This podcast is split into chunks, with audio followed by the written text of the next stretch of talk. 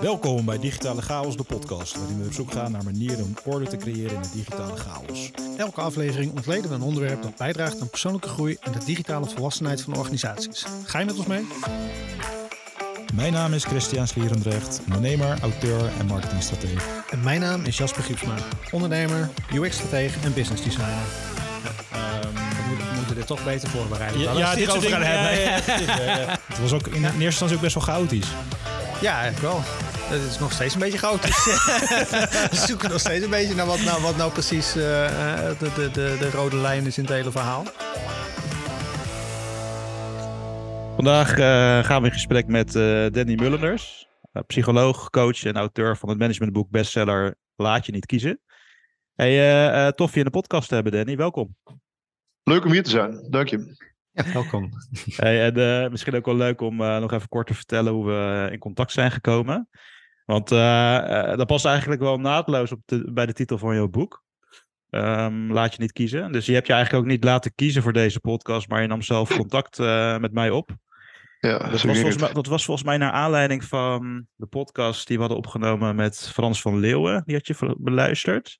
ja klopt. Ja. Ehm, dat is ook een auteur van het boek Aankloten. Eh, z- zou jij eens kunnen delen wat jou triggerde om jezelf dus niet te laten kiezen als gast voor onze podcast, maar zelf in actie te komen?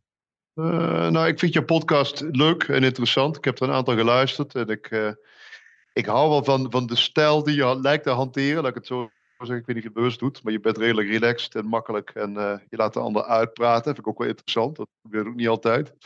En je verdiept, eh, dus je stelt de vraag ook wel achter de vraag. En dat eh, sluit een beetje aan bij mijn werk als psycholoog. Dus niet altijd meteen tevreden zijn met het eerste antwoord, maar, eh, maar doorpuzzelen op wat er nog meer kan, kan zijn. Dus dat, dat zie ik je doen. Eh, en dat, ik vind het een leuke stijl. Dus, dus, en ik hoorde dat, eh, dat je met Frans ook aan de slag bent geweest. En dat was ook een heel aardig gesprek. En toen dacht ik, ik ga jou eh, een berichtje sturen. Ja, Cool. cool. dat. Ja, super tof. En ik, eh, in dat opzicht eh, vond ik, de, ja, we zeiden het in de voorspreking al even, keken eigenlijk al allebei wel heel erg uit naar dit gesprek. Ehm, er zijn een aantal dingen die mij heel erg triggerden, maar ik vond het wel grappig om te zien, want ik heb een, eh, een, eh, paar interviews teruggelezen op andere podcasts. En je beschreef het pad wat je hebt gelopen tot waar je nu bent, dat je in de eerste plaats ehm, wat meer de economische kant op bent gegaan. Toen lang heb getwijfeld om psychologie eh, of filosofie te gaan doen, of misschien wel allebei. En uiteindelijk dan eh, psychologie heb gestudeerd. Ik vind het heel grappig, omdat ik twijfel heel erg of ik psychologie of filosofie wil gaan studeren. Ik heb een economische opleiding gedaan. Dus ik eh, voelde al gelijk zoiets van, oh wacht, dat, dat vind ik een interessant pad. Daar ben ik wel even Ja. benieuwd naar. Ja, dat herken ik. Ja. Willen we erover doorpraten of zullen we later doen? Eh, ja, nou ja, het is misschien leuk om even de, de, de- als, ja, met, met, met de intro van, eh, van jezelf even mee te nemen. Dat, ja. Nou, ik zal het kort en bondig proberen te doen. Kunnen we straks nog verder eh, praten. Dus ik, ik kom uit Meersen, zuiden des, des lands, in de buurt van, van Maastricht. Daar heb ik twee lieve kinderen en een, een lieve vriendin. Joep en Sophie zijn mijn kinderen en Kim is mijn, mijn vriendin. Ja, geboren. Ja. Ja, ik valt nu weer een beetje weg. Dan doen Gaan we op deze manier verder. Dus we, we spoelen terug. Eh, Uit het mooie Meersen. Ja, ja dus ik kom uit, eh, uit Meersen, ligt naast in Maastricht. Ik heb in Maastricht ook gestudeerd. Eh, nu in Meersen samen met, eh, met Kim, mijn vriendin, en Joep en Sophie, mijn, eh, mijn kinderen.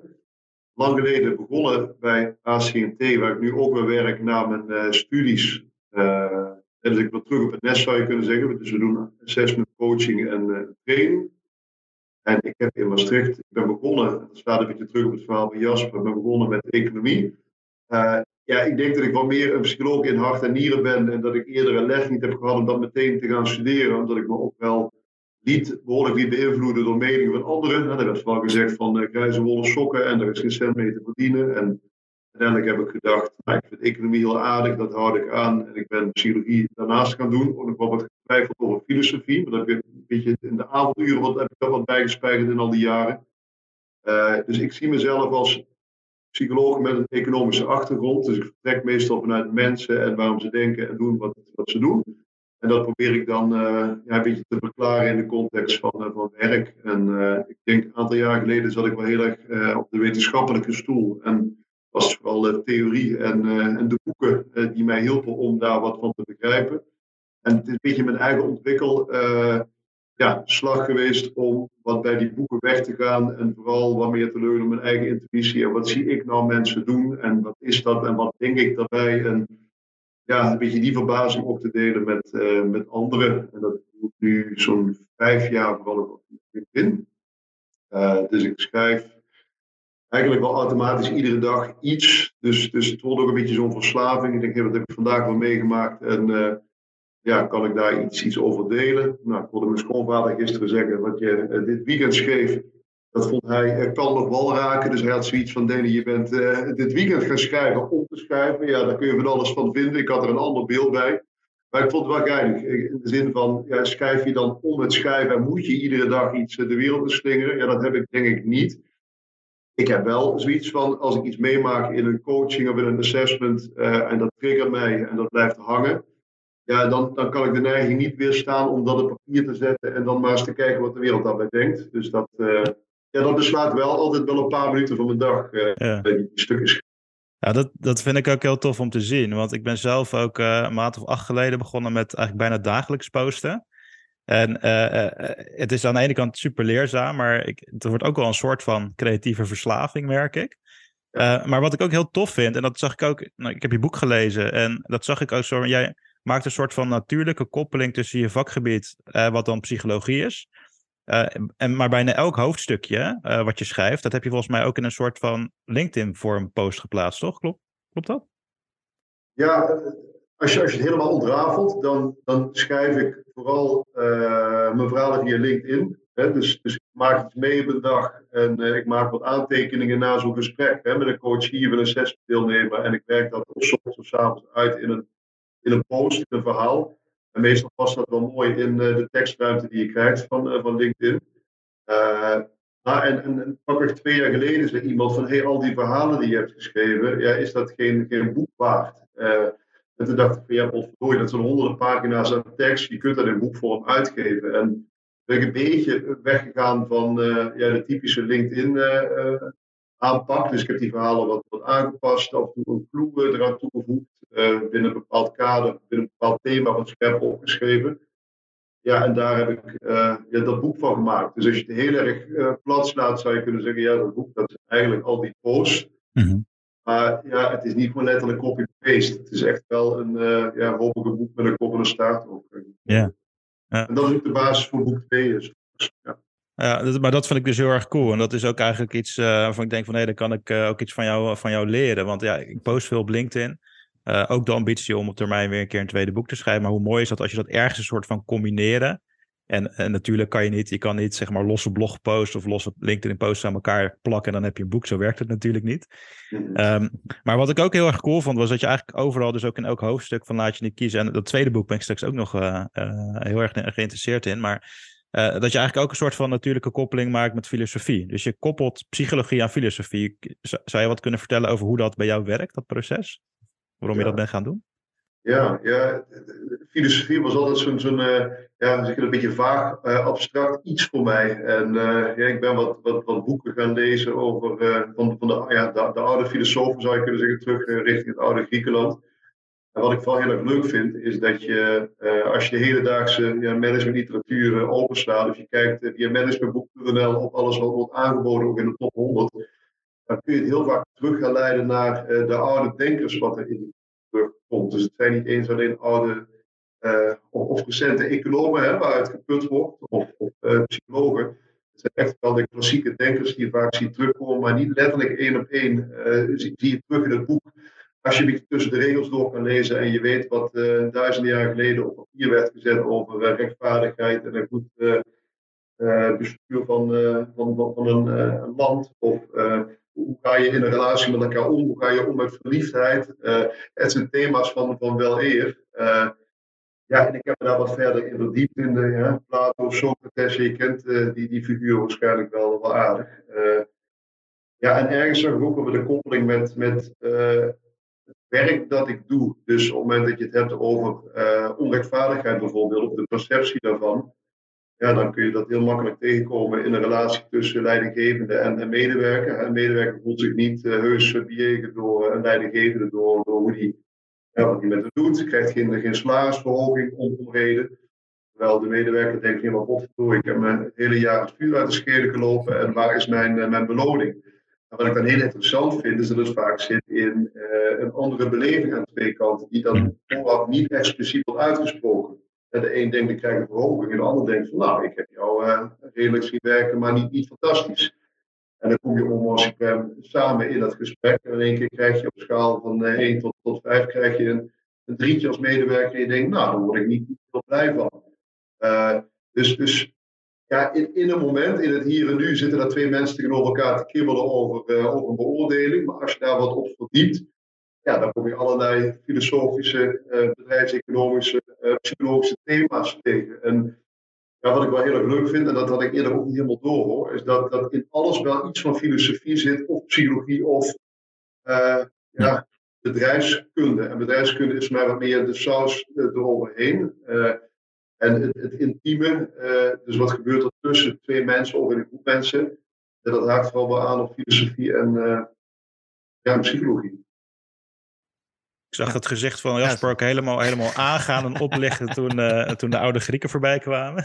Oh ja, ik heb er een op mijn arm staan. Ja, nee, het is um, ja, was super herkenbaar ook. Ik, ik, in, mijn, in mijn vrije tijd lees ik graag over psychologie en filosofie. En ik, ik zie ook echt dat is voor mij ook twee werelden die heel nauw in elkaar ver, verweven zijn en verwoven zijn. Um, en ook super herkenbaar dat ondanks dat je in de context werk zit, uh, dat uh, psychologie en filosofie super relevant is. Elk, elk moment van de dag en elk, in elk, ja, heel veel uh, situaties waar je in terechtkomt. En uh, dat vond ik ook wel heel mooi om te lezen in die boek. Ik, ik zei vanochtend tegen een, iemand, iemand hier op kantoor van ik heb een beetje het gevoel naarmate ik je boek lees dat je het boek hebt geschreven wat ik eigenlijk wilde schrijven. maar in de context van werk. Dus ik, ik ben al een tijdje um, aan het schrijven over, een, over het um, fenomeen eigenlijk van hoe evalueer je existentialisme? Want existentialisme is vaak een beetje abstract en, en, lastig bevatten. Maar hoe, wat is nou de volgende stap daarna? En we hebben natuurlijk tegenwoordig allerlei uh, stromingen die wat meer systeem, systeemdenken na, nastreven of, of modernisme, een beetje veel semantische discussies over taal en dat soort zaken. Maar um, ik, ik, ik weet niet of, of het zo is, maar ik, ik proef hier ook wel um, existentialisme in jouw boek of in je verhalen. Ik sta wel aan op wat je nu zegt. Ja, nou, ja goed. Ik ben heel nieuwsgierig naar wat jij op papier aan het zetten bent. Dus, dus uh, wil je ook wel heel graag wat vragen daarover stellen. Maar bij mij, uh, nou goed, essentialisme versus existentialisme. Hè, dus wat, wat, wat is zo'n beetje de, de kern van ons bestaan? Moet je dat in jezelf zoeken of moet je dat om je heen zoeken, zou je kunnen zeggen. Uh, maar existentialisme, een ingegeven door de huidige tijd, het hele verhaal Rusland-Oekraïne. Uh, um, Solzhenitsyn, kun je die naam kent. jaren geleden kwam Jordan Peterson om de hoek kijken. Een beetje een, een berucht figuur in nou ja, psychologenland, zou je kunnen zeggen. Met allerlei toch best wel bijzondere stellingen over hoe mensen in elkaar zitten. Laten we daar niet te ver op induiken. Maar hij mm -hmm. kwam met, met dus, dus die, die het vooral had over de, uh, de kampen in, uh, in, in, Rusland in de vorige eeuw, de ontberingen daar. Ja, en, en wat, wat, ik, wat ik treffend vind aan existentialisme is dat het eigenlijk tot op het bot beschrijft wat, wat mensen meemaken in situaties die vooral niet heel prettig en leuk en, en voordelig zijn. En wat, wat, wat doet dat met, met, met iemand? Dus je kunt heel erg het filosofie of het economieboek pakken en denken van ja, mensen zitten ongeveer zo in elkaar en dat verklaart gedrag. Maar wat, wat ik wel boeiend vind aan existentialisme is dat mensen ook dus volledig ja, gek gedrag kunnen vertonen. Dat je denkt van maar waarom doet iemand dat nou? Maar ingegeven de context en de ontbering en de rare dingen die je meemaakt, dan ga je gedrag neerzetten. En ja, goed, de evolutionaire psychologen die zouden zeggen van ja, kijk vooral naar de de instincten van mensen. Hè? Dus, dus je wil overleven. Dus dan, dan ga je een bondje aan met iemand. je gaat zorgen dat je eten vergaart en dat je kan, kan voorbestaan. Hè? Of dat je onderdeel blijft van een team en dat ze aardig vinden. Dus je gaat op kiezen. Hè? Dus dat is ook een aardig thema in, in mijn boek, komt vaker terug. Dus het, het boeiende vind ik, dat er zitten best wel wat koppelingen tussen psychologie en, en, en filosofie en hoe je naar gedrag kan, uh, kan kijken. Um, ja, daar, daar, kunnen we nu over volpraten. Ja. ja, ja, dat had ik ook al in de voorbespreking. Ik zei, zei tegen, tegen Christian, ik zei, volgens mij kan ik wel twee, drie uur uh, blijven praten hierover. Ja. Maar ja, nee, ja, ja, super interessant. En ik denk ook inderdaad uh, heel relevant op het moment. En zeker ook wat, wat, um, wat, wat ik heel erg mooi vond, dat haalde je nu ook al even aan, is dat stukje context. Um, die, die contextafhankelijkheid eigenlijk ook. En ook hoe. Um, dat hou je in je boek ook heel erg aan. Van, uh, we zijn heel erg geneigd, en dat merk ik ook in bijvoorbeeld als je het hebt over de, de, de, persoonlijkheidstesten. Heel erg zo van: ik plak een label en dat ben ik dan. Maar je geeft ook tegelijkertijd aan van ja, maar bekijk ook de context waarin je gedrag vertoont. En um, ja, dat, dat vind, ik, vind ik heel erg mooi om, om, om, um, ja, om over te horen en over te zien, inderdaad. Ja, ik, ik denk dat het is ook wel een beetje mijn eigen ontwikkeling geweest over al die jaren heen. Want voor mij is de veilige weg wel ja, persoonlijkheidspsychologie. Hè? Dus wat je ook zegt, je, je drukt een label via een of andere test en hoppa, je weet hoe iemand in elkaar zit en de wereld is voorspelbaar. We kunnen lekker door. Uh, ja. Maar vaak zijn we dus niet zo voorspelbaar, gelukkig wat mij betreft, als, als aan de oppervlakte denken. Uh, en dan krijg je vind ik het, het, het boeiende thema van uh, wie ben ik ten opzichte van, uh, van mijn omgeving en alles wat ik al heb meegemaakt, de cultuur waar ik, waar ik in zit. Dan heb je toch het, uh, het klassieke, ja, de psychologie heet het hè, nature-nurture debat. Hè? Dus, dus je hebt mm -hmm. en je hebt je omgeving en je hebt de interactie tussen die, die twee. Ja, en in de filosofie, maar ook wel in de psychologie wordt ook gesproken over dispositie, situatie, interactie. Hè? Dus, dus wat, wat, zit er in me, waar zit ik in en wat doen die twee uh, met elkaar? En ja, wat, ik, wat ik wel heel mooi vind in het werk wat ik doe, is dat ik probeer te graven naar wat zijn er de, de diepe lagen bij mensen uh, die wel redelijk stabiel zijn over tijd. Hè? Je kan kijken bijvoorbeeld naar de Big Five van persoonlijkheid, misschien is dat ook een term. dat is vijf, vrij stabiele karaktertrekken over tijd die wel naar gelang leeftijd de dingen die je meemaakt wat, wat kunnen veranderen. Hè. Denk aan emotionele stabiliteit bijvoorbeeld. Maar toch voor een heel groot deel ja, zit er wel iets van een aanleg, van een begin in je, wat je niet zomaar wegpoetst door dingen mee te maken. En uh, dat maakt wel, vind ik, dat een assessment center, komt het commerciële verhaal nu voorbij, dat, dat, ja, kan, kan toevoegen. Ik zie wel eens vaker dat HR-mensen, recruiters, toch wel, en dan ben ik een beetje cynisch misschien, maar redelijk aan de oppervlakte interviewen als ze een nieuw mm -hmm. als ze tegenkomen. En methodiek, je vraagt situatie, taak, uh, actie, resultaat uit en dan weet je iets over bijvoorbeeld stressbestendigheid. Um, maar laag dieper graven en, en zo'n beetje kijken van, ja, is het ingegeven door de situatie dat je wel of niet stressbestendig bent? Of zit er een soort van diepere ja, karaktereigenschap in je, die eigenlijk maakt dat je je over situaties heen altijd wel ongeveer hetzelfde gedraagt op, op die eigenschap? Uh, en als je dat wat meer boven water krijgt, hè, dat je wat kan zeggen over is iemand in de basis stabiel, is iemand uh, nieuwsgierig, is iemand inlevend, dan kan je best wel aardige voorspellingen op doen, op richting de toekomst. Of als je iemand in een andere situatie neerzet, wat, wat doet hij dan ongeveer? Ja. Dus ja, zoals met mijn commerciële verhaal nu. Ja, wat, ik, wat ik ook wel interessant vind, zeg maar, want uh, ook mijn ervaring met assessments is, het kan een hele goede conversatiestarter zijn. Het kan een hele goede gespreksopener zijn om een soort van ja, gestructureerd even stil te staan bij, oké, okay, uh, waarom doe ik de dingen zoals ik, zoals ik ze doe? En, en tegelijkertijd is het ook niet statisch. Want um, dat is ook een soort terugkerend thema uh, bij ons in de podcast, het thema verandering. Maar als ik dan heel even terugloop, zeg maar de combinatie van je, je, je vakgebied combineren met een stukje filosofie. Dus psychologie en filosofie. Nou, ik doe dat soort van ook automatisch met marketing. Dus die kan je bijna niet met elkaar verbinden op heel veel vakken of heel veel gebieden. Omdat vaak wordt gezegd, ja, marketing, dat gaat toch om het, om het beïnvloeden van mensen. En, uh, maar tegelijkertijd merk ik wel gewoon van, ja, de, de kernthematiek aan filosofie gaat heel vaak ook gewoon over over verandering. Ook dingen die over de duizenden jaren soort van constant blijven. En, en dat is dus wat Jasper op zijn arm uh, heeft staan. Hè? Uh, Pantarij, de uitspraak van, van de Griekse filosoof Heraclitus. Uh, alles stroomt. Was het toch, ja. Jasper? Ja. en dat vind, ik wel, dat vind ik dus een hele interessant. Van hoe kan je dus um, vakgebieden combineren met filosofie en misschien ook wel andere invalshoeken om dan eigenlijk wat je net zelf, zelf aangeeft, Danny, om die diepere laag naar boven te halen. Of misschien wel een stukje onderstroom. Dus dat vind ik wel een hele interessante. Ja, dat vind ik interessant. Dus wat meer over hoe doe je dat eigenlijk? Hè? Hoe puzzel je met, met een onderlaag? Uh, en ik vind het spel uh, of de interactie waarbinnen je dat doet met een assessment deelnemer of een coachie of een opdrachtgever. Ja, je zult zo ook tegenkomen, de opdrachtgevers. Want hoe zit je dan samen aan tafel? Enerzijds, ja, hoe zeg je dat? Dat, dat, je, dat, je, dat je je kennis deelt en dat de ander iets heeft aan wat jij al, al weet. Hè? Dat je je mensenkennis deelt, je marketingkennis. En tegelijkertijd dat je dat op zo'n manier doet, dat het ook wel een beetje aansluit bij uh, ja, de filosofie die je zelf aanhangt. En met andere woorden, ik, ik vind het heel prettig als mensen, dat heb ik een beetje geleend van Lambert Kamphuis, uh, perspectivistisch lenig zijn. Met andere woorden, dat we niet denken in absolute waarheden, maar dat we kunnen zien van hé, hey, ik vind Jantje Pietje nou vandaag niet aardig.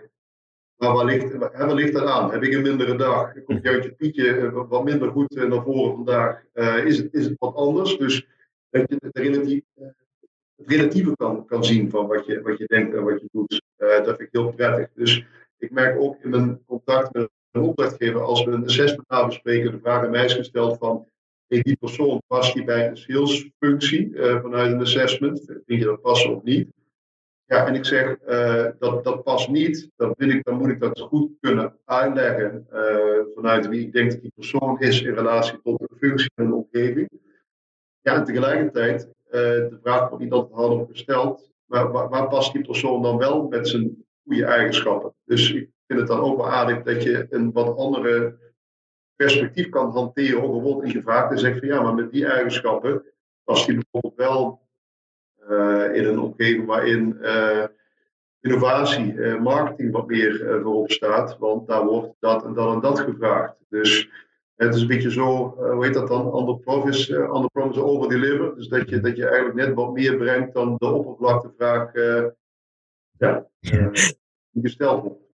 Kom je, dan ook vaak in situaties waarbij je met bijvoorbeeld een, een werknemer uh, coaching doet, die dan bijvoorbeeld besluit om totaal iets anders te gaan doen dan, dan, dan de functie waar hij of zij op dat moment in zit? Ja, ja dat herken ik wel, dat gebeurt. Ja. En dan ja, een beetje afhankelijk ook van uh, je opdrachtgever. Hè? Dat, die, dat is vaak de leidinggevende van die persoon. En soms wordt mij niet heel blij, hè, want dan gaat iemand weg. En aan de andere kant is toch ook wel het besef van ja, misschien was het dan wel later een keer gebeurd. Dat was op een andere manier wel bij die persoon dat inzicht gekomen. Dus ja. ja. het is niet vrijblijvend uh, coaching. Dus, dus het is niet dat ik of wij hier bij ACT mensen een kant op drukken of zeggen van je moet een, uh, een andere baan zoeken. Ik merk wel door het inzicht dat mensen krijgen in zichzelf, gaan ze veel meer puzzelen met oké, de context waar ik nu in zit, met allemaal mooie kwaliteiten, mindere kwaliteiten. Ja, Piet of vraagt dat of, of gaat dat goed uh, En ik moet ook zeggen, corona heeft daar ook wel aan dat bewustwording, uh, aan die bewustwording ook aardig aan bijgedragen. Dat mensen veel meer zich gaan nadenken over uh, ja, identiteit is ook zo'n groot thema. Hè, maar wie ben ik nou eigenlijk in het grotere geheel? En uh, ja, dat mensen, we krijgen ook een beetje het cliché van dat mensen voelen, ik zit in een gouden kooi, ik heb al behoorlijk wat, wat jaren op de teller staan, ik verdien een mooie cent en ik kan een huis betalen. Maar ben ik hier nou gelukkig uh, dik vet kruis? Dat is wel grappig. dat vind ik, ja, ja, ga, maar, ga maar Jasper, dan pak ik hem straks over. ja, hoor denk ik net zoveel haakjes als ik. maar uh, nee, ik, ik, vind het super fascinerend wat je net zei van uh, uh, in een coaching met bijvoorbeeld iemand die op een salesfunctie of een assessment krijgt op een salesfunctie, dat je dan aangeeft van nou misschien is het niet passend in deze context. En dat vind ik wel heel mooi om dat, jullie, dat je dat dan aangeeft van ehm, je hoeft niet gelijk te zeggen van nee, je bent geen salespersoon. Maar je bent misschien geen salespersoon in deze bedrijfscultuur, deze bedrijfstak, deze uh, uh, context in tijd misschien. Hè? Misschien wat, wat, wat, wat skills te ontwikkelen. Dat vind ik wel heel mooi uh, om te zien hoe, hoe die context dan zo uitmaakt. En dat vond ik mooi aan het tweede gedeelte wat je, waar je net naartoe ging. Is dat je zei eigenlijk van tijdens de lockdowns in corona veranderde voor heel veel mensen een hele belangrijke context. Dat is namelijk werkplek en interactie.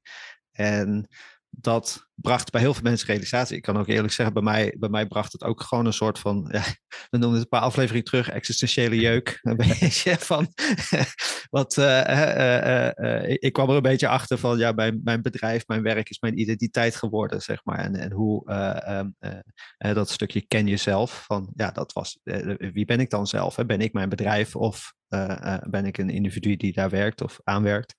En, um, en dat, dat vind ik wel heel mooi hoe, ja, ik blijf er dan nu even op terugkomen steeds, maar die, hoe die context zo belangrijk is ten opzichte van je labels of je, um, of je, of je, of je nou wel of niet onder een bepaalde. Uh, de 16 personality is ook super populair. Hè, of je nou wel of niet in dat hokje zit. Uh, je context is gewoon heel essentieel daarop in.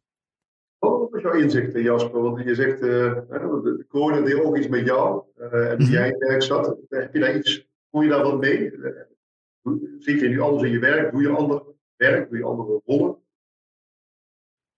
Um, nou, uh, voor mij is het een, um, een stukje sturing geweest in uh, um, uh, wat ik.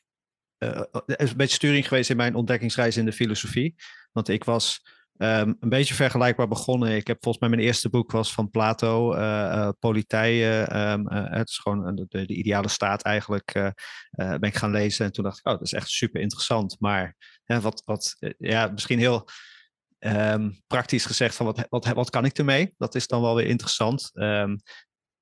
maar die realisatie voor mij bracht een beetje zo van, oké, in de filosofie heb je dingen als um, uh, stoïc, stoïcisme, existentialisme, of, en van hoe.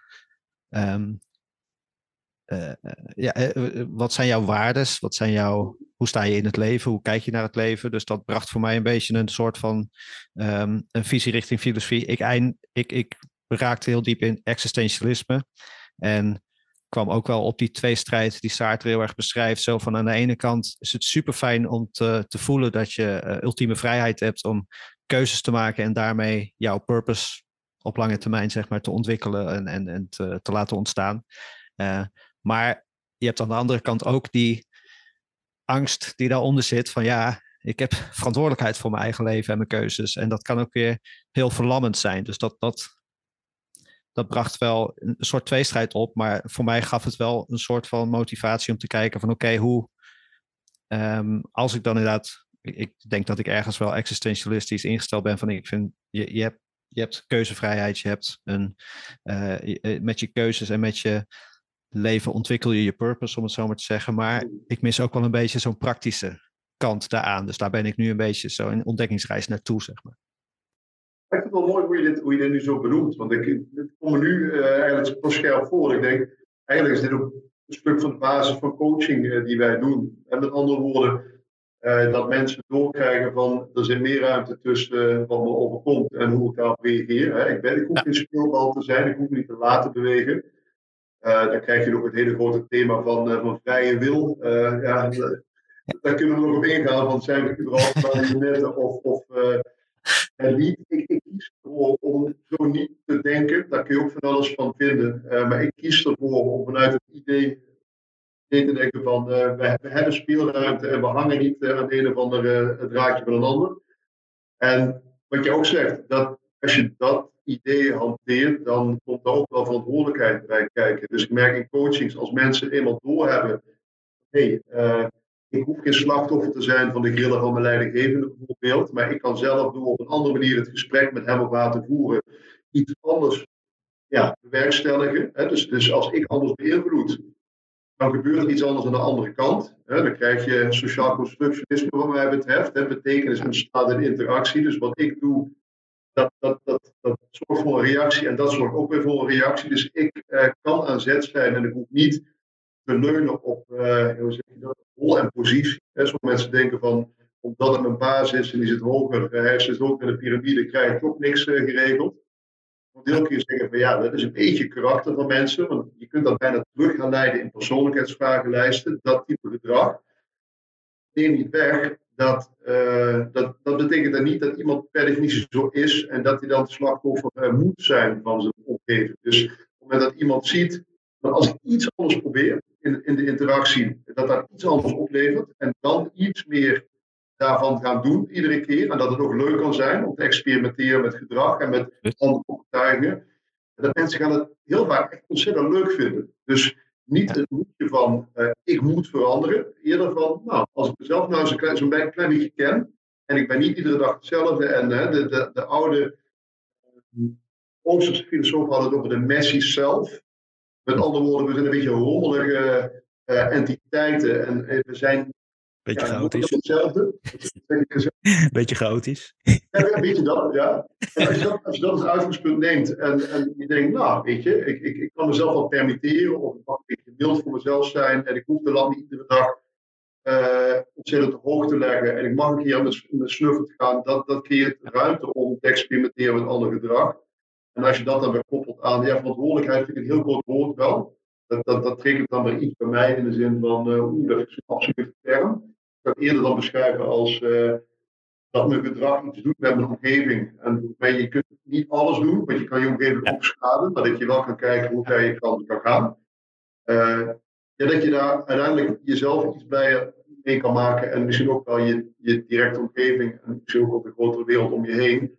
Dus het is zo'n beetje van hè, dat steentje in de vijver gooien en ergens aan het einde van de, van de planeet gebeurt er iets voor dat steentje. Kijk, ik geloof daar wel in. Uh, ja, dat is wel echt mooi, mooi want ik, er zijn ook twee woorden waar ik net, die je gebruikt waar ik net uh, best wel op aanging. Is uh, identiteit en speelruimte. Um, en ik heb letterlijk een quote opgeschreven die ook in jouw boek staat over identiteit. Dus ik quote hem eventjes hoor. Maar het unieke en onderscheidende aan jou. Je kunt zeggen um, dat het je zijn is. Terwijl het zich ook gedurende je leven ontwikkelt. En daarom kunnen we stellen dat identiteit je, je worden is. Ik ben wel benieuwd, hè? En want dat perspectief, ook dat steentje wat je net, net uh, benoemt in de vijver, en dat dat zeg maar uh, effect heeft op heel veel uh, andere plaatsen misschien wel. Maar dat ontstijgt, ontstijgt dat eigenlijk niet het domein van psychologie en misschien zelfs filosofie? Zeg maar, zit je dan, schurk je dan misschien niet zelfs, misschien gaan we nu, nu te diep het rabbit hole in hoor, maar schurk je dan niet een beetje tegen kwantumfysica aan? Maar het is, het is, nou ja, goed je, je triggert mij nu ook wel wat je nu zegt. Uh, ja, ik denk dat het feitelijk klopt wat je zegt, is groter. En tegelijkertijd, en dat is een beetje mijn angst, ik heb de neiging om dingen af en toe te verheffen tot iets, hoe zeg je dat, een soort van algemeen principe, moet ik dat zeggen. Ik kan de dingen toe in mijn hoofd wat, groter maken dan ze zijn. En ik heb net ook geleerd afgelopen jaren dat als ik het terugbreng naar mijn werk en ik heb een advies geven over iemands uh, geschiktheid of iemands ontwikkelbaarheid en ik ga met iemand een coaching, dat het, dat het net ook vaak wel goed is om een concreet thema beter te pakken. Hè? Dus, dus iemand is uh, te zelfkritisch of iemand zit te sterk in zijn eigen referentiekader of iemand uh, leunt naar zijn introverte kant en komt niet goed uit zijn woorden in grotere groepen. dat het net wel heel goed helpt als je bijvoorbeeld leerpunten in hapklare brokken kan terugleggen bij iemand, zodat het te begrijpen is en dat je daar concrete stappen in kan, zetten. Um, maar ik vind het mooi wat je zegt ook. Kijk, nu is het minder dan, eh, dan 20, 50 jaar geleden, maar het liefst had ik uh, hele bibliotheken uh, verslonden en had ik, had ik 100 studies gedaan. En het is zo'n soort van onverzadigbaar iets om een soort van alles te kunnen begrijpen vanuit een, een alomvattend uh, principe. Uh, het, het, het, ja, klinkt een beetje gek wat ik nu zeg misschien, maar je kunt je er zelf behoorlijk gek mee maken. En, en sommige dingen, die, die kan je, die kan je, die, sommige dingen kan je misschien ook gewoon cognitief niet, niet begrijpen. En daar moet je je op niet bevatten en daar moet je dan bij neerleggen. Maar wat, ik, ik vind het wel heel mooi om te horen, want hoe jij het beschrijft, dat is eigenlijk ook gewoon waar veel ondernemers uh, zeg maar aan de marketing en saleskant mee worstelen. Weet je wel, dan maken ze dingen te groot. Terwijl uh, ja, ja, ja, ja, je slaat denk ik de spijker op de kop. Want als je binnenkomt via een bepaald, bepaalde thematiek of een bepaald pijnpunt, ja, dan heb je een conversatiestarter. Net zoals dat een assessment een goede conversatiestarter kan zijn. En dan, weet je, het leven is chaotisch en complex. En veel, misschien wel veel groter dan dat je op dat, dat moment uh, beseft over dat kleine stukje waar je mee worstelt. Maar dan is dat wel de manier om het gesprek te openen en misschien inzicht te krijgen in die thematiek. ik moet denken aan het gesprek van, van, van gisteren. Dat, dat iemand uh, letterlijk zei, iemand kwam voor een coaching intake. En dat hij iets zei van Weet je, de hele wereld is slecht en de wereld is, is tegen mij. Nou, dat is een interessant begin. Het hele ligt op, de, tafel, we een uur. Uh, dus ja, dan, dan, probeer ik eerst mijn verbazing uit te spreken, of in ieder geval te laten zien dat ik luister en dat ik, dat ik hoor wat iemand poogt te zeggen. En dan, dan kun je heel erg uh, uitzoomen en, en heel erg gaan kijken naar wat is nou het, hele grote ja, thema principe dat hiermee samenhangt. Of je kunt het kleiner maken en zeggen, oh, als je, als je koppelt aan je werk, heb je een voorbeeld waaruit het blijkt wat jij nu zegt. En die man, uh, toevallig een man, kwam heel erg, ja, ook daar kreeg ik het verhaal van medewerker leidinggevende. Die kwam met een leidinggevende op de proppen die, uh, ja, want hij vond dat, dat hij vooral heel erg ja, onrechtvaardig was. En deze man had ook de neiging om behoorlijk te generaliseren. Dus als hij ochtends een leidinggevende tegenkwam die niet zo vriendelijk was voor hem, nou, dan zag hij automatisch uh, heel veel andere beren nog wel uh, de weg voorbij komen. En dan was een hele dag was verpest. Dus het thema was enerzijds hoe kan je een wat, wat constructievere, wat, wat openere bril leren opzetten en, niet meteen oordelen. Uh, ja, het andere thema was ook, um, ja, hoe kun je zelf enerzijds een beetje accepteren dat je dat wel hebt. Hè? Dus dat je dat, dat, kritische aan je hebt en dat je dat dan slim inzet of zo. Dus dat je in de goede rol, de goede plek terechtkomt in je werk waarin het gewaardeerd wordt. Bijvoorbeeld in een projectteam waarin de kritische noot gekraakt mag worden en waarin je niet meteen wordt weggezet als de grote zeiker. Want dat gebeurde hem ook. Dus hoe kan je van iets wat eigenlijk niet een mooie eigenschap lijkt, hoe kan je het dan toch zo inzetten in werk of in je privé?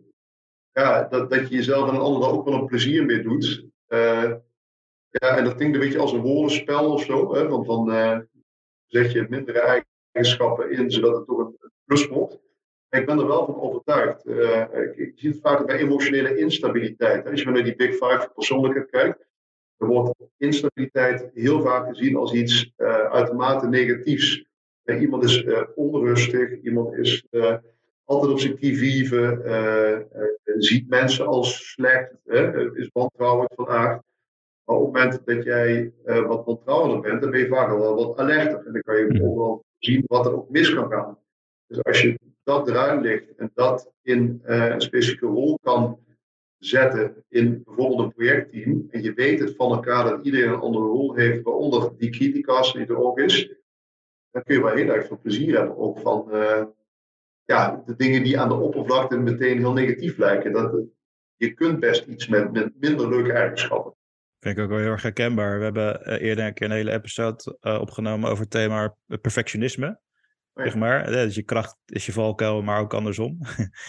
en en, en, en daar herken ik hem ook heel erg in. Uh, best wel perfectionistisch aangelegd oorspronkelijk. Dus wat dan in mijn zeg maar, basisprofiel zat. Maar daar heel bewust zeg maar, vanuit nieuwsgierigheid aan gaan werken. Zoals bijvoorbeeld elke dag posten op LinkedIn, podcast opnemen, dat soort dingen.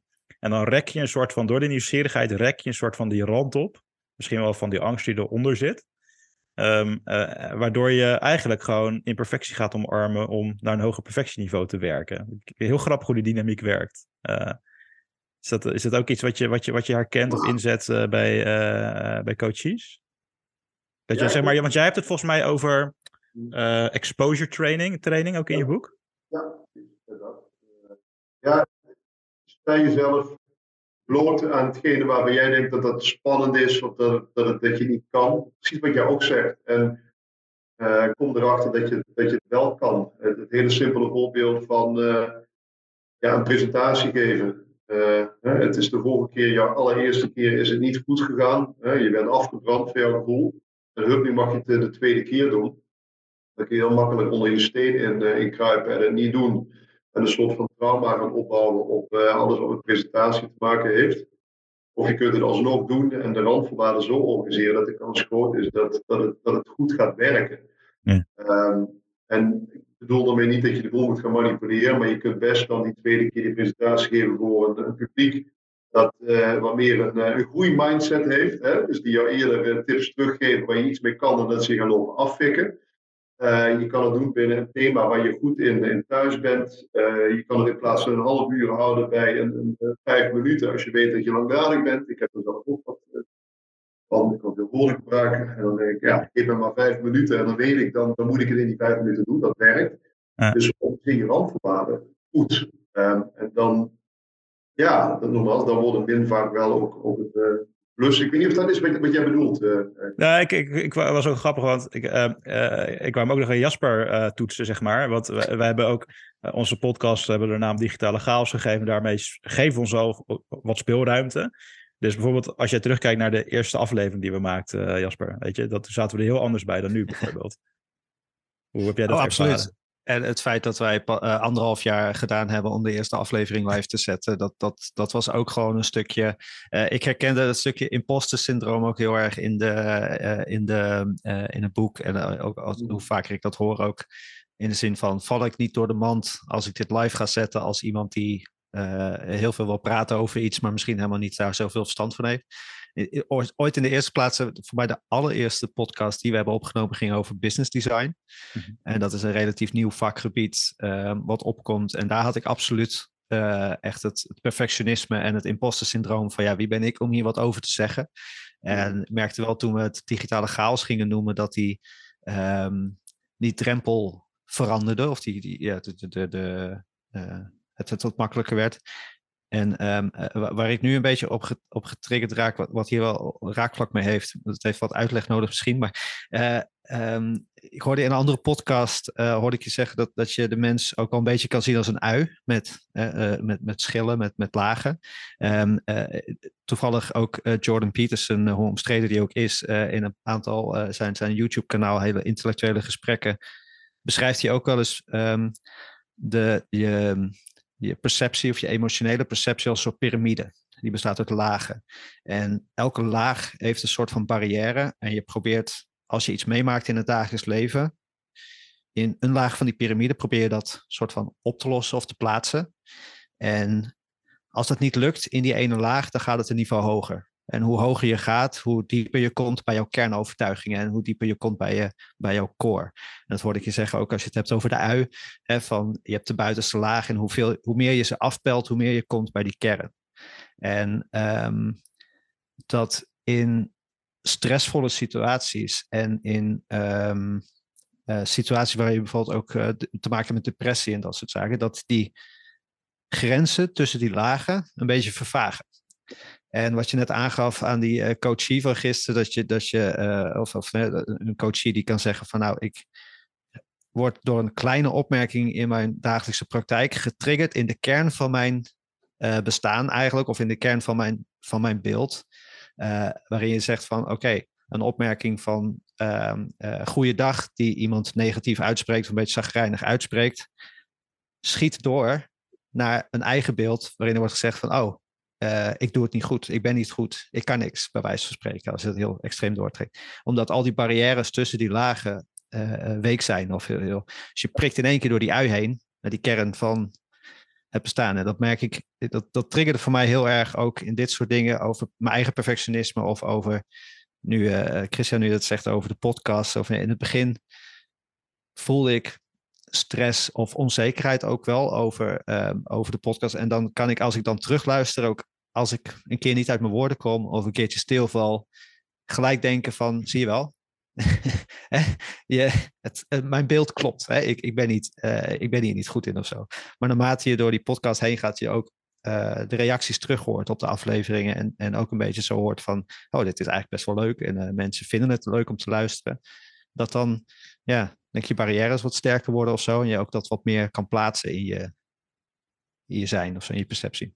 Nou, wat je nu zegt, Jasper, wat ik, wat ik leuk vind bij coaches, is dat uh, naarmate mensen steeds meer uh, sneller in het moment doorhebben dat ze die belemmerende gedachten hebben, van oh shit, daar gaan we weer, of het was niet goed, dat je eigenlijk een soort van uh, metapositie pakt. Hè? Je, je hangt bijna boven jezelf en je ziet het jezelf denken en je, ben, je hebt het vermogen om die gedachten om te draaien. Of misschien de stap daarvoor is nog van überhaupt dat ding te observeren en het maar even te laten. En dan even te halen van jezelf dat je denkt. Uh, maar bewustzijn hebben dat het, ja, de manier waarop je kijkt op dat moment of denkt dat het niet bepaald helpend is. Uh, alleen dat al, dat is koud. Hè? Dat is een soort van hefboom richting, mm ja, je zou kunnen zeggen, een leuk versus echt wel een minder leuk leven. Als je, als je constant geleid wordt door die 60.000 gedachten die je iedere dag hebt. En je hebt daar uh, geen grip op. En de gedachte aan zich is al van, ik word uh, geleid door mijn gedachten die uh, ja, alle kanten op springen. Ja, dat kan je net te gek maken. En alleen al uh, dat, dat zie ik vaker wel in coachings terug. Het bewustzijn van, ja, een beetje zo dat de, Descartes, het idee, ja, ik, ik, ik, ben niet meer gedacht, laat ik het zo, zo uitleggen. Hè. Descartes die vond dat we toch wel heel erg gedacht waren. Als je dat anders kan, kan interpreteren en de gedachte een gedachte kan zijn, en dan ook dus kan vervangen door een andere gedachte en hopelijk een bijbehorend gevoel en bijbehorend gedrag. Want daar gaat het vaak om, het verhaal van die presentatie. Op het moment dat je kan denken van ja, de vorige keer het was een minder leuke dag. En dat je een minder, minder makkelijk uh, moment op. Hè, ik heb gemist in. Dat kan je denken en dat kan ruimte nu creëren om die presentatie anders te doen. Of je kan blijven, blijven hangen in de gedachte van ja, weet je, ik heb dat nooit goed gekund en ik ga het nooit kunnen en uh, ja, de deur gaat, gaat dicht. Dus, dus gedachte was uh, zeg je dat, echt een hefbom. Dat, uh, dat inzicht is, zeg maar, ik heb hier een stapeltje boeken naast me liggen die ik dit jaar heb gelezen. Eentje is, uh, eentje is de, de achtste eigenschap van Stephen Covey. Dat is ook al me, het grootste inzicht dat ik uit het boek haalde. Zeg maar, het herkennen van die ruimte tussen stimulus en respons, zoals je me eigenlijk ook beschrijft. En daar dus iets mee doen. En jij benoemt ook, uh, dat is nog een quote die ik heb opgeschreven, maar in je boek benoem je ook, hè, ik ben geen product van mijn omstandigheden, maar een product van mijn beslissingen. En uh, uh, nou ja, een mooie quote van Voltaire is dan: Each player must accept the cards life deals him or her, but once they are in hand, he or she alone must decide how to play the cards in order to win the game. Nou, daar ga ik als oud pokerspeler natuurlijk op aan. Weet je wel? Dus, en dan komen, lopen we wel weer even terug. Oké, heb je dan invloed op, op hoe je leven loopt? En ja, kijk hoe ik dat bijvoorbeeld uit mijn pokertijd ervaar. Van, je bent gewoon bezig met elke dag misschien wel onbewust wat is het, 50, 60.000 beslissingen maken. Um, uh, en als je die beslissingen soort van kan optimaliseren, dan betekent dat echt niet dat het morgen meteen helemaal anders is. Maar op de lange termijn ga je een positief effect zien. Ga je hè, in, in, in, in het spel van poker, ga je positieve winstverwachting doorvertalen naar langer termijn resultaat. Um, ik weet niet, wat is de reden dat je die quote hebt opgenomen in je boek van Voltaire? Uh, ja, ik, ik, ben, ik, ben, een beetje een Heidegger-fan. Ik weet niet of jullie Heidegger eh, kennen, de filosoof. Die, die, die, heeft het over geworvenheid. Dat, dat, dat, komt ook ergens in het boek terug. Dus het was vooral dat ik niet overal uh, Heidegger in mijn boek wilde laten terugkomen, maar ook een variant. Eigenlijk zegt Voltaire hetzelfde als Heidegger. Hm. Die heeft het over, met ook even Heidegger dan, uh, en je wordt de wereld ingeworpen op een bepaalde plaats, op een bepaald moment, met bepaalde ouders, in een, in een uh, prettige of minder prettige omstandigheid. En, en dat is een gegeven, daar kun je weinig aan, uh, aan beslissen. Hè, wie je broer of wie je zus is, tijdstip van, van geboorte. Ja, en vervolgens, als je een soort van bewustzijn gaat ontwikkelen en je gaat zien, wat jij ook zegt, dat er een ruimte zit tussen actie en reactie, zoals het noemt. Victor Frankl is daar de, de, de, de grondlegger van, richting Kobe. als je dat gaat doorhebben, dan ga je zien dat je dus verschillende kaarten in je handen, zou je kunnen zeggen, hebt of pakt die je op verschillende manieren ook kan, kan inzetten. En je zou kunnen zeggen, ja, het pakketje kaarten, dat is misschien een gegeven. Hè? Dus dat zou je genenpakket kunnen zijn, als je die metafoor gebruikt. Maar vervolgens, hoe je dat neerzet of inzet in de context waar je jezelf in plaatst. Precies dat thema had ik vanochtend met een coachie hier. Hè? Je kunt jezelf in een situatie zetten. En dat je door hebt dat het kan, dan kan je dat dus doen. Sommige mensen hebben het niet door en die laten zich de dingen gebeuren die man van vanochtend begon aan zijn coaching uh, drie maanden geleden. Ook vanuit het idee, uh, ja, ik ben uh, slachtoffer van mijn leidinggevende die bruut en barbaars en vervelend is. Uiteindelijk kwamen we erop uit dat, ja, door ook het gesprek met die leidinggevende aan te gaan, het is wel spannend, maar ook wel het effect van het gedrag van die leidinggevende te kunnen benoemen op, op jezelf. Dat heeft hij ook gedaan. Uh, kom je uit op hey, die leidinggevende, hoe cliché misschien ook, had niet eens door dat dat een effect kon zijn van zijn gedrag. Die dacht vooral dat het heel erg duidelijk was. Dus die leidinggevende is deels zijn gedrag gaan aanpassen met heel goed gevolg op richting anderen. En die jongen die ik hier in de coaching zag, eh, die heeft gezien van potverdorie, ik kan dus beïnvloeden. Met andere woorden, door het gesprek aan te gaan, verandert zijn gedrag, mijn reactie erop verandert weer. En hetgene wat ik geleerd heb, dat pas ik ook in meerdere gesprekken toe. Dus hij komt er nu heel erg achter dat hij situaties echt wel meer naar zijn eigen hand kan, zetten. En eigenlijk van een, een grijze muis is hij nu eigenlijk ja, binnen heel korte tijd kreeg hij het aanbod om, om trainer te worden in die organisatie. Um, omdat men ziet dat hij meer beïnvloed krijgt door, door, door alles naar de dingen te kijken. En dat is eigenlijk wat, wat Heidegger dus ook zei. Van kijk vooral naar wat, wat staat vast? En dat zit ook een beetje in hè, de cirkel van invloed, zou je kunnen zeggen, van, van COVID. Waar ben onderdeel van? Wat kan je beïnvloeden? Wat wil je beïnvloeden? En wat ga je vervolgens doen? Ja, en als ik naar mezelf kijk bijvoorbeeld, ja, ik, ik ben wel heel erg geraakt geweest op mijn vijftiende door het boek van, van Victor Frankl. Mogelijk hebben jullie het ook gelezen. Ja. Dat het bestaan waarin uh, het kernthema is van. Uh, en we, we, draaien een beetje om hetzelfde thema hier vandaag volgens mij. Maar hij zegt ook van er is freedom to choose. Dus je kunt in de meest erbarmelijke omstandigheden zitten. Hè, waaronder in een, in een concentratiekamp waar hij als psychiater zat in de Tweede Wereldoorlog. En hij had blijkbaar het vermogen om uh, te zien dat de manier waarop hij keek naar zijn situatie en zijn gedachten en zijn overtuigingen erbij, ja, hem ofwel ja, gingen helpen en ervoor zouden zorgen dat hij zijn kansen vergroot om weg te komen, of ja, in aangeleerde hulpeloosheid kon blijven hangen, net zoals veel anderen trouwens, en vervolgens ja, het niet ging, ging redden. En hij had zelf, vond ik wel een heel mooi voorbeeld, twee mooie voorbeelden ook. De man die dus uh, dan komt de, de, de, haai, de, aan die kraaien, zo moet ik zeggen. En, er was één man in, dat, de laatste red. Die, hij was de aangever. Dus hij zei s ochtends van, hé, hey, de haan kraait weer, er is weer een, nieuwe dag. Dus dat was zijn raison d'être, zou je kunnen zeggen. Daardoor mocht hij er zijn. Um, het had een rol. En die pakte die ook. Die pakte die bewust.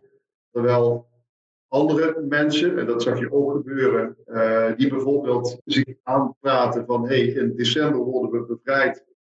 En, en, dat is het moment dat ik mijn leven wat terugkrijg. Als in december uh, die bevrijding er niet was, ja, dan, dan waren die mensen ook, het heel gruwelijk, zijn met de dag daarna meestal overleden. Want mhm. dat, dat, dat tast je systeem aan. Hè? Uh, dus dan, dan lig je eruit, zou je kunnen zeggen. Dus, dus ik moet zeggen, op mijn vijftiende als puber uh, dat ik ook wel eens heel vaak dacht van, uh, wat heb ik hier te beïnvloeden? En uh, is shit. En de mooie zwarte t-shirtjes van de bands aan. Dat ik, dat ik, dat ik ben ook wel erachter kwam van, ja, dit zijn mijn gedachten. En op het moment dat ik mijn gedachten anders kan, ja, kan organiseren voor mezelf, dan, dan kijk ik anders naar de realiteit.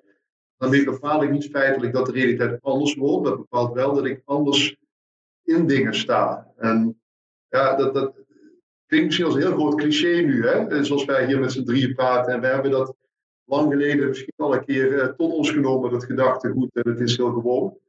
Maar op dat moment, pakweg 30 jaar geleden, dacht ik van, uh, jee, mijn, mijn, uh, de wereld verandert. Mm Dat doet veel. Ja, ja dat is super herkenbaar, want toevallig, ja, nou niet toevallig, maar het boek van Victor Frankl is ook een van mijn belangrijkste boeken uit mijn leven.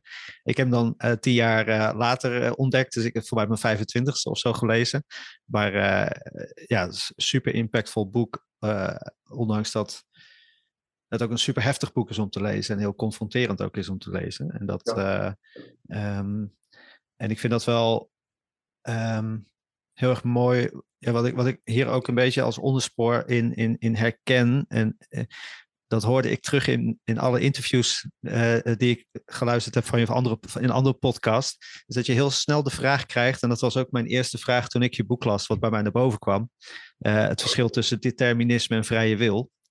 Uh, ik luisterde vanochtend uh, het interview op Managementboek. Uh, en dat was ook de eerste stelling, ging ook, hebben we wel vrije wil? Toen dacht ik van ja, dat is ook het eerste wat bij mij naar boven kwam. en, um, en, en, natuurlijk met, met Victor Frankl in het achterhoofd van, je hebt natuurlijk altijd wel de vrijheid om zelf te bepalen hoe je naar een situatie kijkt. Je hebt niet altijd de keuze um, of je in die situatie terechtkomt of dat je daarin belandt. En um, ik vind dat Um, ja, ik, haak op zoveel aan, want dat is precies ook het onderdeel waar ik mijn boek over aan het schrijven ben, zeg maar. Uh, ik zeg altijd, ik ben heel arrogant bezig om een filosofisch systeem te beschrijven. uh, uh, maar dat geeft mij, zeg maar, een soort van, um, het helpt mij ook om weer in de filosofie wat verder te komen. Maar ik heb het dan over, over ik maak de link een beetje naar de designer. Um, uh, ik ben natuurlijk een designer zelf in mijn, in mijn vakgebied, maar een designer is ook iemand die uh, krijgt een soort van context mee. En dat vind ik ook het verschil tussen een designer en een artiest. Een artiest heeft de volledige vrijheid om zelf te bepalen wat hij, wat hij gaat doen. En dat hoor ik in existentialisme ook. Hè. Je hebt de, de 100% vrijheid. Maar een designer krijgt een bepaalde context mee, krijgt kaders mee vanuit zijn omgeving. Nou, dat, dat stukje Heidegger van we worden, je wordt toch in een bepaalde context, op een bepaalde plek, een bepaalde tijd geboren. Daar heb je geen invloed op, heb je geen keuzevrijheid in. Ehm, maar je hebt wel de keuzevrijheid om die situatie te bekijken zoals jij wil. En ook als jij voelt dat je een soort van slachtoffer bent van je, van je omgeving, heb je altijd de vrijheid om terug te kijken naar uh, de, de, de, de kaders die je hebt geschept in je leven en om die misschien te herkaderen of, of anders te eiken of iets. En dat, uh, ja, nou, dat, dat triggert heel erg bij wat je net allemaal aangaf. Van ja, dat, dat, dat, dat stapelt allemaal heel erg op. En ik merk dus inderdaad dat het, het heel snel gaat over ook determinisme en vrije wil. Ja, en op aan. Ik heb heel lang uh, ook daar heel veel over nagedacht en boeken gelezen. En een soort van rationale proberen te vinden om naar links of naar rechts te bewegen. Hè, van uh, worden we bepaald we zelf? En ergens kwam ik op zo'n punt uit. Uh, dat ik dacht, ja, ik kan wel meer boeken blijven lezen. Maar ja, dat er zoveel mensen er iets van vinden. Hoe sta ik hier nou eigenlijk in? Dat is wel mijn eigen ontwikkeling geweest. Want je kunt heel, heel lang leunen op kennis en inzicht en ervaringen van, uh, van anderen. En dat is ook relatief scheef. Ik voelde me daar comfortabel bij, want uh, ja, ik had het zelf niet helemaal bedacht, ik gezegd. Terwijl er komt ook zo'n moment dat bij mij in ieder geval ik dacht, ja oké, maar wat vind ik hier nou eigenlijk van? Of wat vind ik van mezelf? Wat vind ik van mijn leven? Of waar heb ik plezier aan?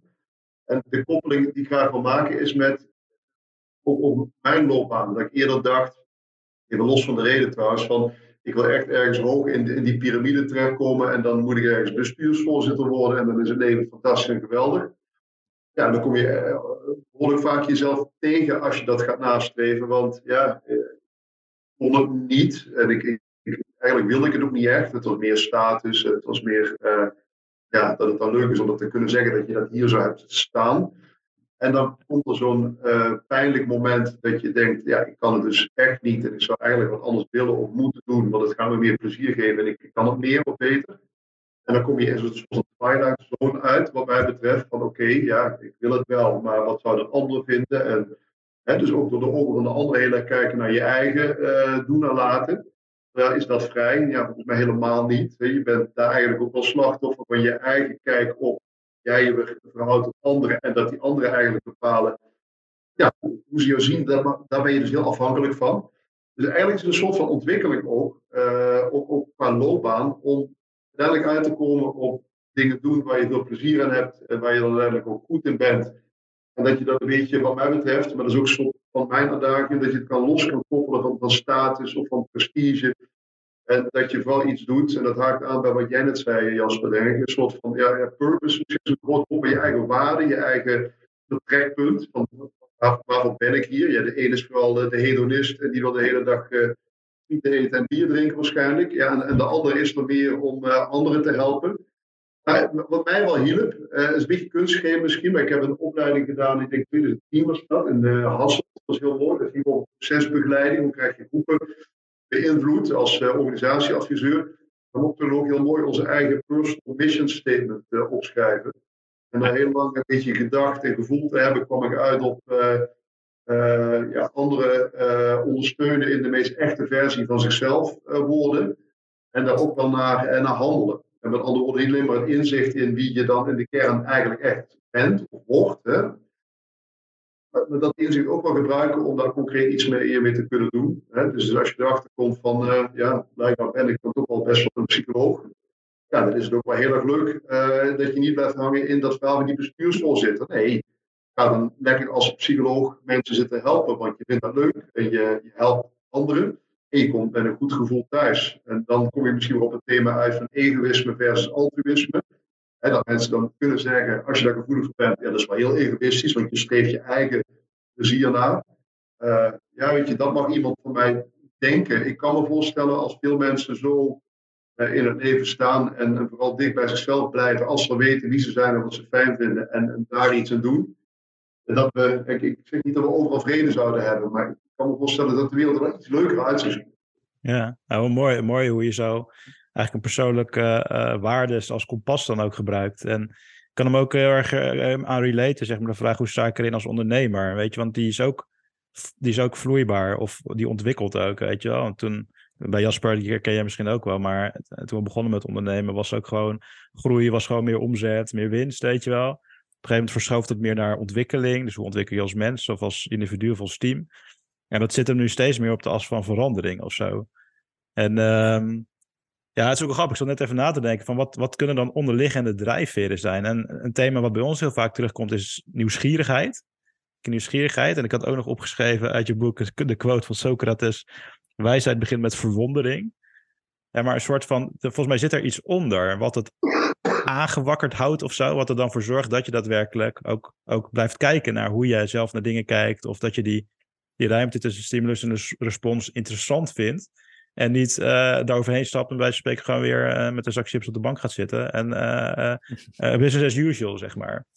Dat, ja, is dat herkenbaar voor jullie, zeg maar? Dat er nog iets van een spark onder zit of een drijfveer? Nou, wat ik heel erg herkende en ook al net wel een beetje um, getriggerd werd. ik heb ook zo'n soort personal statement een aantal jaren geleden bij mezelf een beetje, die kwam een beetje bovenborrelen.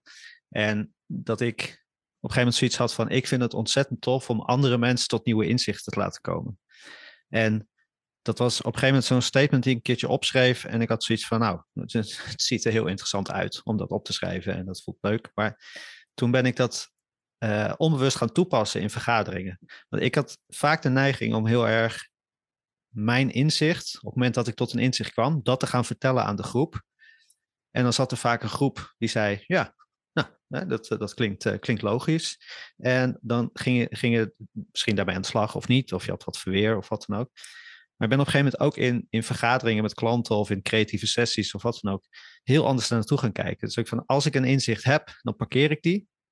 En ik ga eerst andere mensen uitvragen. Een soort van verwondering, een soort nieuwsgierigheid. Zo van, oké, wat zit daar? En misschien een beetje prikkelen. Zo van, oké, eh, wat als je nou een beetje deze kant op gaat kijken of een beetje die kant op gaat kijken?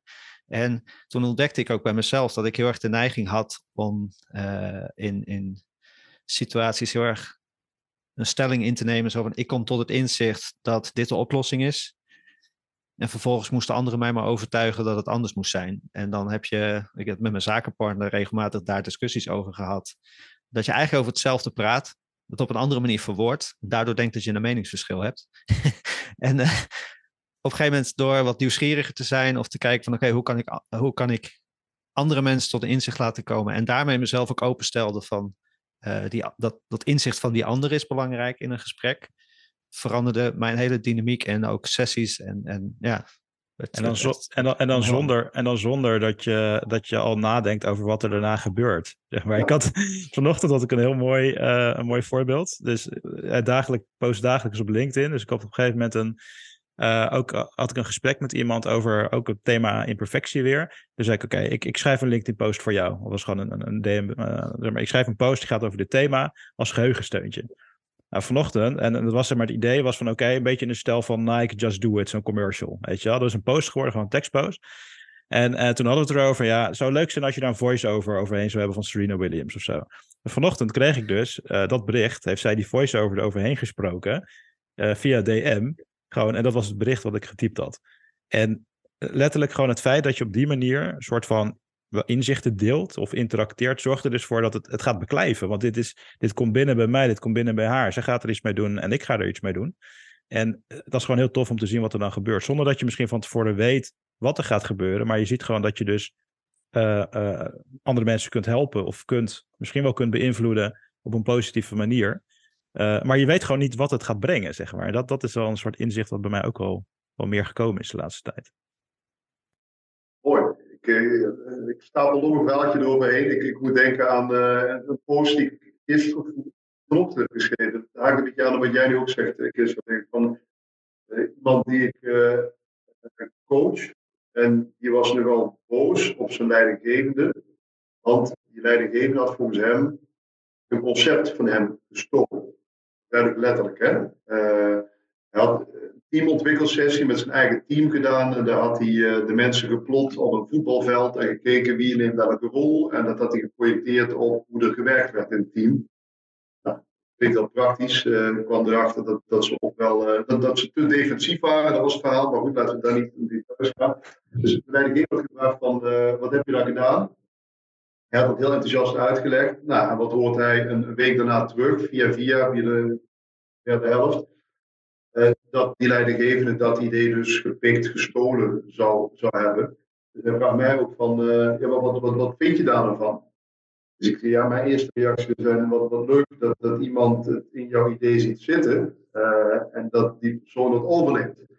Dus hij had zoiets van, potverdorie, wordt gejat. En ik dacht, uh, ik zat er niet met mijn hele hebben en natuurlijk in, dat is, dat is zijn ding.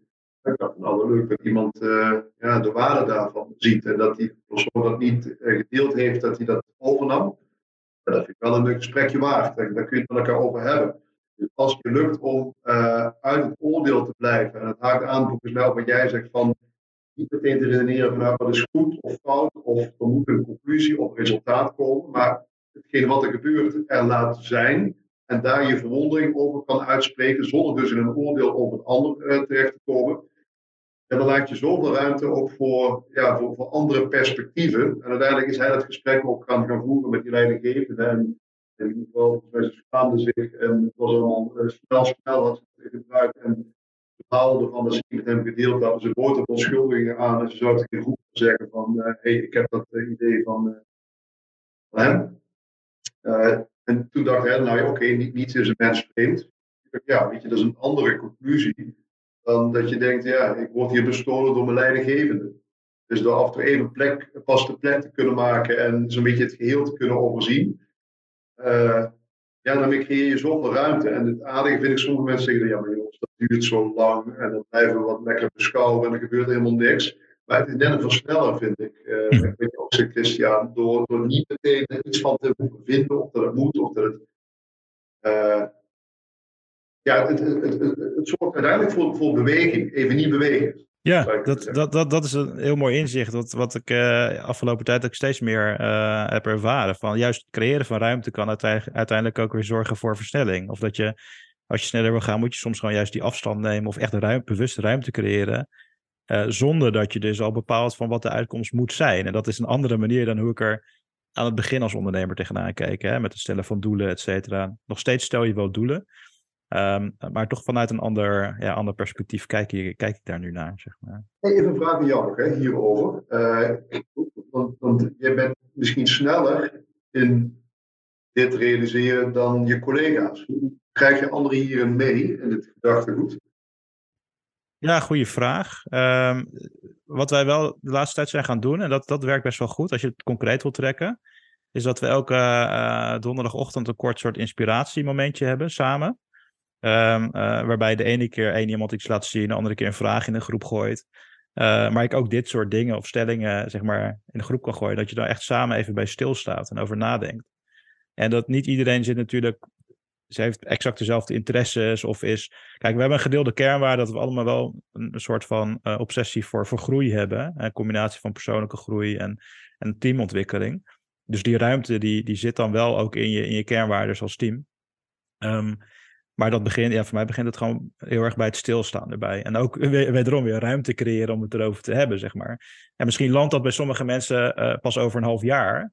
Uh, maar als je dat, dat, ja, als je dat wel, als je dat blijft bespreken en, en uh, onder de aandacht houdt, of ja, aandacht is de bron van verbinding. Ik spreek wel heel even naar mijn notes. er zijn zoveel haakjes met jouw boek, maar ja, die, die resoneert dan wel heel erg. Hè? Dus connectie. Connectie is basis voor win-win, zeg je ook, vanuit gelijkwaardigheid. Uh, dus daar begint hij volgens mij. Wat ik wel, uh, ja, wat, wat, wat, ik wel grappig vond net, uh, Christian, en wat je zei, het voorbeeld wat je aangaf, is daar vertelde je van, van jouw interactie met, met iemand over, over die, die voice-over. maar je zei op een gegeven moment van, dan zie je dat je iemand beïnvloedt. En um, wat, wat ik daar grappig aan vind, is, is dat Um, dat, dat, net verbeter je dat in de zin van uh, de sessies die je hebt dan met je personeel, waar je het hebt over inspiratie. Want ik denk dat je daar iemand hebt geïnspireerd. Ja. Uh, en want in, achter beïnvloeding zit al heel gauw ook de, natuurlijk de negatieve uh, connotatie van hey, je bent iemand bewust aan het beïnvloeden. Ik denk dat daar ja. achter beïnvloeden een soort intentie zit, zeg maar. Terwijl het openstaan voor inzichten het weer ook het stukje intentieloos is en daardoor meer inspirerend is. Ja. Maar, en dat vind ik ook wel grappig om, om dat, het is, dat, viel, dat viel, viel me net even op hoe zo'n woordje kan triggeren. Zo van, oh ja, wacht. Uh, ik, ik, ben heel gauw geneigd om te zeggen van, en zeker ook bij marketeers, hè, van je wil beïnvloeden, je wil um, dingen. En ik heb ooit een keer een uh, presentatie gehad over dit onderwerp op ons vakgebied, UX design. Waarin je natuurlijk ook bezig bent met een interface maken waarop je mensen helpt een bepaalde keuze te maken of uh, door een bepaalde informatiestroom heen probeert te loodsen. Maar die presentatie was heel leuk. Dat ging over, ben je de villain of de hero in het verhaal? En we kwamen daar ook uit in de discussie van, ja, het ligt aan de intentie. Hè? Van heb je hier de intentie om iemand te beïnvloeden om een aankoop te doen? Of um, uh, ben je iemand aan het helpen om een aankoop te doen? En um, uh, dat daar ook context weer heel belangrijk is. Want iemand die wil stoppen met roken, die wil misschien beïnvloed worden. En uh, daar wil, die wil misschien wel, die staat ook open voor psychologische trucjes, bij wijze van spreken, om uh, getriggerd te worden om niet te gaan roken. Terwijl bij de aankoop van hè, op, op, een, op een verkoopwebsite gewoon commerciële goederen, ja, wil je eigenlijk wel weer een soort van keuzevrijheid hebben of keuzevrijheid voelen, zeg maar. Ja. Ja, bij mij, maar bij mij kwam dezelfde trigger. Dus bij mij komt hij wel persoonlijk heel erg vanuit, vanuit de intentie om te inspireren. Ja, en het grappige ja. is dan dat je dus ziet dat het ook invloed uh, kan uitoefenen. Maar voor mij, ja, voor mij gaat het heel erg van, vanuit van oké, okay, waar ligt de intentie? Is die intentie goed? Uh, dan, dan, dan hang je daar zeg maar de rest aan op, zeg maar. Dus, uh, ja. Hey, ik denk ook, wat, wat, je, wat je zegt van het, het is niet uh, het, de intentie om bewust te, te beïnvloeden, maar je hebt met je, uh, door te inspireren heb je wel invloed. Precies. Uh, je triggert wel een actie of een, of een ja, potentieel een, een activiteit bij iemand. Is eigenlijk ook wat, wat, wat Danny, wat jij met jouw boek doet, volgens mij, heel goed. Dus je inspireert en triggert mensen dus om in actie te komen. Um, maar je bent ook bezig met een tweede boek, toch? Ja, ja dat is uh, het plan. Dus ik merk dat het eerste uit was, blijven schrijven. Dus, dus er liggen weer behoorlijk wat, wat teksten klaar voor een, het tweede boek. Uh, en het eerste boek dat ging vooral over, ik heb dat psychologische bewegingsruimte genoemd. Hè, dus waar we het eigenlijk al het hele uur over hebben. Dus meer ruimte tussen actie en reactie die je vaak door hebt. En, en benut die ruimte, het kan je helpen. Het, het tweede boek gaat vooral over hoe steken mensen nou zo'n beetje in elkaar en, en waarom doen ze wat ze doen. En dus wat maak ik mee in mijn coachings en in mijn assessments uh, wat betreft uh, bewustwording, uh, ja, persoonlijkheid, mensen zichzelf door. Welk gedrag hoort erbij? maar er zit ook wat verhaal bij van hoe kan je zelfs een beetje afpellen om tot de kern te komen en van daaruit ook te snappen waar je het liefste onderdeel van bent. En dus waarbij het eerste boek echt meer gaat over eigen regie, gaat het tweede boek veel meer over hoe steken mensen nou zo'n beetje in elkaar. En dan kom je ook, waar we net over hadden, die thema's tegen als hoe veranderbaar ben je. Uh, niet dus, ben je ook in de kern egoïstisch of zijn we toch vooral uh, op, op anderen gericht. Um, ja, dan probeer ik ook weer, want dat is natuurlijk blijkbaar mijn stokpaardje, om iedere keer hetgene wat ik meemaak met mensen hier naar voren te schuiven. En soms dan plak ik daar een theorie of een zienswijze op. En soms probeer ik dat ook maar weg te laten en te kijken dat degene die het leest daar zelf een uh, soort conclusie aan kan verbinden. Dus ik hou er wel van om uh, en niet alleen maar mensen vol te stouwen met allerlei adviezen. Ik vind dat zelf ook niet altijd even prettig. Dus dat is vaak wel een nadeel van het typische managementboek. Dat ook wel een uh, heel goed bedoeld ja, zeg je dat een showtje is van hmm. degene die het boek heeft geschreven. En ik weet het wel heel erg goed en die heb je absolute waarheid. Ik probeer er bij weg te blijven. En aan de andere kant, als je daar te veel bij weg blijft, dan wordt het ook een heel vrijblijvend boek. Ja. Dat hoorde ik ook wel bij dat eerste boek van mijn uitgever terug. En zegt, je mag je verhalen van meer met een kop een staart schrijven. Dus dat mensen daar ja, actief en snel iets van, van kunnen leren. Dat is interessant ook als je dingen veel openlaat. Dat is een beetje de andere kant van de dingen openlaten. Dan kun je ook heel veel ruimte voor uh, interpretatie geven aan mensen. En als je dat wil, prima. Maar als je mensen toch iets gericht aan denken wil zetten, dan zorg dan voor een boek waarin je uh, je praktijk beschrijft, maar ook wel bijvoorbeeld de, de learning van, van degene die op coaching of op assessment is. Wat heeft er concreet uit opgepikt uit dat uur eh, gesprek? Dat hoef je niet als soort van absolute waarheid neer te zetten. De lezer kan wel kijken, ja, resoneert dat? Of, of uh, sla ik lekker de pagina weer om. Uh, dus ja, boek nummer twee. Sommigen zeggen van uh, veel te snel en uh, wacht daarmee. En ik denk, ja, ik zit nu in goede energie en ik heb er Mhm. plezier aan. Dus ik ga het, ik ga het doen. Ja, ook dat is, laat je niet kiezen. Ik denk een paar jaar geleden, ik me was- waarschijnlijk laten beïnvloeden door degene die zeiden van, nou, dit is te snel en leg je nog drie dagen of drie jaar op, op de, de. Uh, terwijl ik nu denk van, ja, ook al is het emotioneel misschien niet handig of kost het te veel tijd of wat dan ook, ik, ik ga het lekker doen. En dan zie je ook van alles, dan begint van alles te bewegen ook. Hè? Als je het gaat doen, gaan mensen ook hulp aanbieden en dan zeggen ze, ik wil het graag wel uh, lezen van tevoren en je tips geven. En dan, dan, dan is er ook geen, geen thema meer van, het is te vroeg of zo. Nee, je hebt het gekozen en je gaat door en je kiest een datum dat het uitkomt. Ja, en je hebt dus zoals dan... Uh, projectperiode daartussenin, waarin jij, je kent het ook Christian, waarin je schrijft en oplevert en punt en comma's verandert en een volg kiest en uh, uiteindelijk moet dat fysiek boek komen. Heb je al een, uh, een datum uh, geprikt wanneer die uit, uit, moet komen? Uit gaat komen? Ik, heb in mijn hoofd, nou ik vond het, het, eerste boek kwam half juni uit en dat vond ik een mooi moment, want dat zat ook rond vakantie. Dus veel mensen hebben het boek meegenomen op vakantie en dan krijg je die mooie fotootjes terug en dat is weer ook wel ja, dus nu ook weer. Ik, ik, ik op uh, juni, juli. Dus Cool. graag straks wat een uitgever daarin uh, kan. Ik heb een mooi contact ook met, met Managementboek. Jullie ook waarschijnlijk wel bekend. Ja, als Managementboek heeft ook een eigen magazine, zes keer per jaar. als ik het boek op een bepaald moment kan laten uitkomen, dan is de kans groot dat dat boek op de, de cover terechtkomt. Nice. Dan zou je kunnen zeggen, laat je je kiezen. Dan ga je dat boek nou heel erg snel proberen te maken om er op die cover te komen. Uh, dat ga ik dus niet doen. Maar weet je, het zou wel leuk zijn als dat met timing bijvoorbeeld samenvalt. Want dat heb ik wel geleerd ook met dat eerste boek. Een beetje naïef wat betreft commercie. En ik denk dat jullie daar heel, heel goed kaas van hebben gegeten. Hoe dat marketing en sales, hoe dat, hoe dat werkt. Ik kwam een beetje in een snoep, in een speeltuin terecht van... Hey, als je uh, iedere dag iets over dat boek roept op je LinkedIn dan is de kans wel groot dat het boek meer gekocht gaat worden. Ja, het klinkt zo simpel als wat, maar ik was er helemaal niet mee bezig. Ja. En uh, ja, heeft dat boek wel echt heel goed verkocht en het heeft ook wel een week uh, bovenaan in, die, in dat ranglijstje gestaan. Voor mij komt dat meteen uh, met interne dialoog op van ja, hoe belangrijk moet ik dat nou vinden? Hè? Want je vergelijkt je ook met anderen, met die andere 99. En word je daar zo gelukkig van? Uh, ik denk het niet, maar het gaf wel even een geluksmomentje dat, dat dat boek het wel even heel goed deed. Zo, dat, dat, ja. Nou, heel gaaf. Ja, wij, wij kunnen niet wachten tot het tweede boek in ieder geval. Uh, mocht je nog meelezers zoeken, dan uh, heb je er hier twee zitten die zich aanbevolen uh, voelen. ja. Heel tof. Ik ben echt heel benieuwd. Absoluut. En ik denk dat dat uh, wellicht ook wel weer een uh, gesprek waard is uh, als we die gelezen hebben. Ja. ja. Bij, bij, bij, de, bij, deze, bij deze vast de uitnodiging voor over een, uh, een half jaar. De, of als je volgende boek uit is, dan le leuk om daar dan weer over in gesprek te gaan, Danny. En volgens, mij, volgens mij zitten we ook al goed over het uur heen. Dus ik weet niet of jij nog brandende vragen had, Jasper, of jij nog voor ons, Danny, ter afronding. Ja, ik,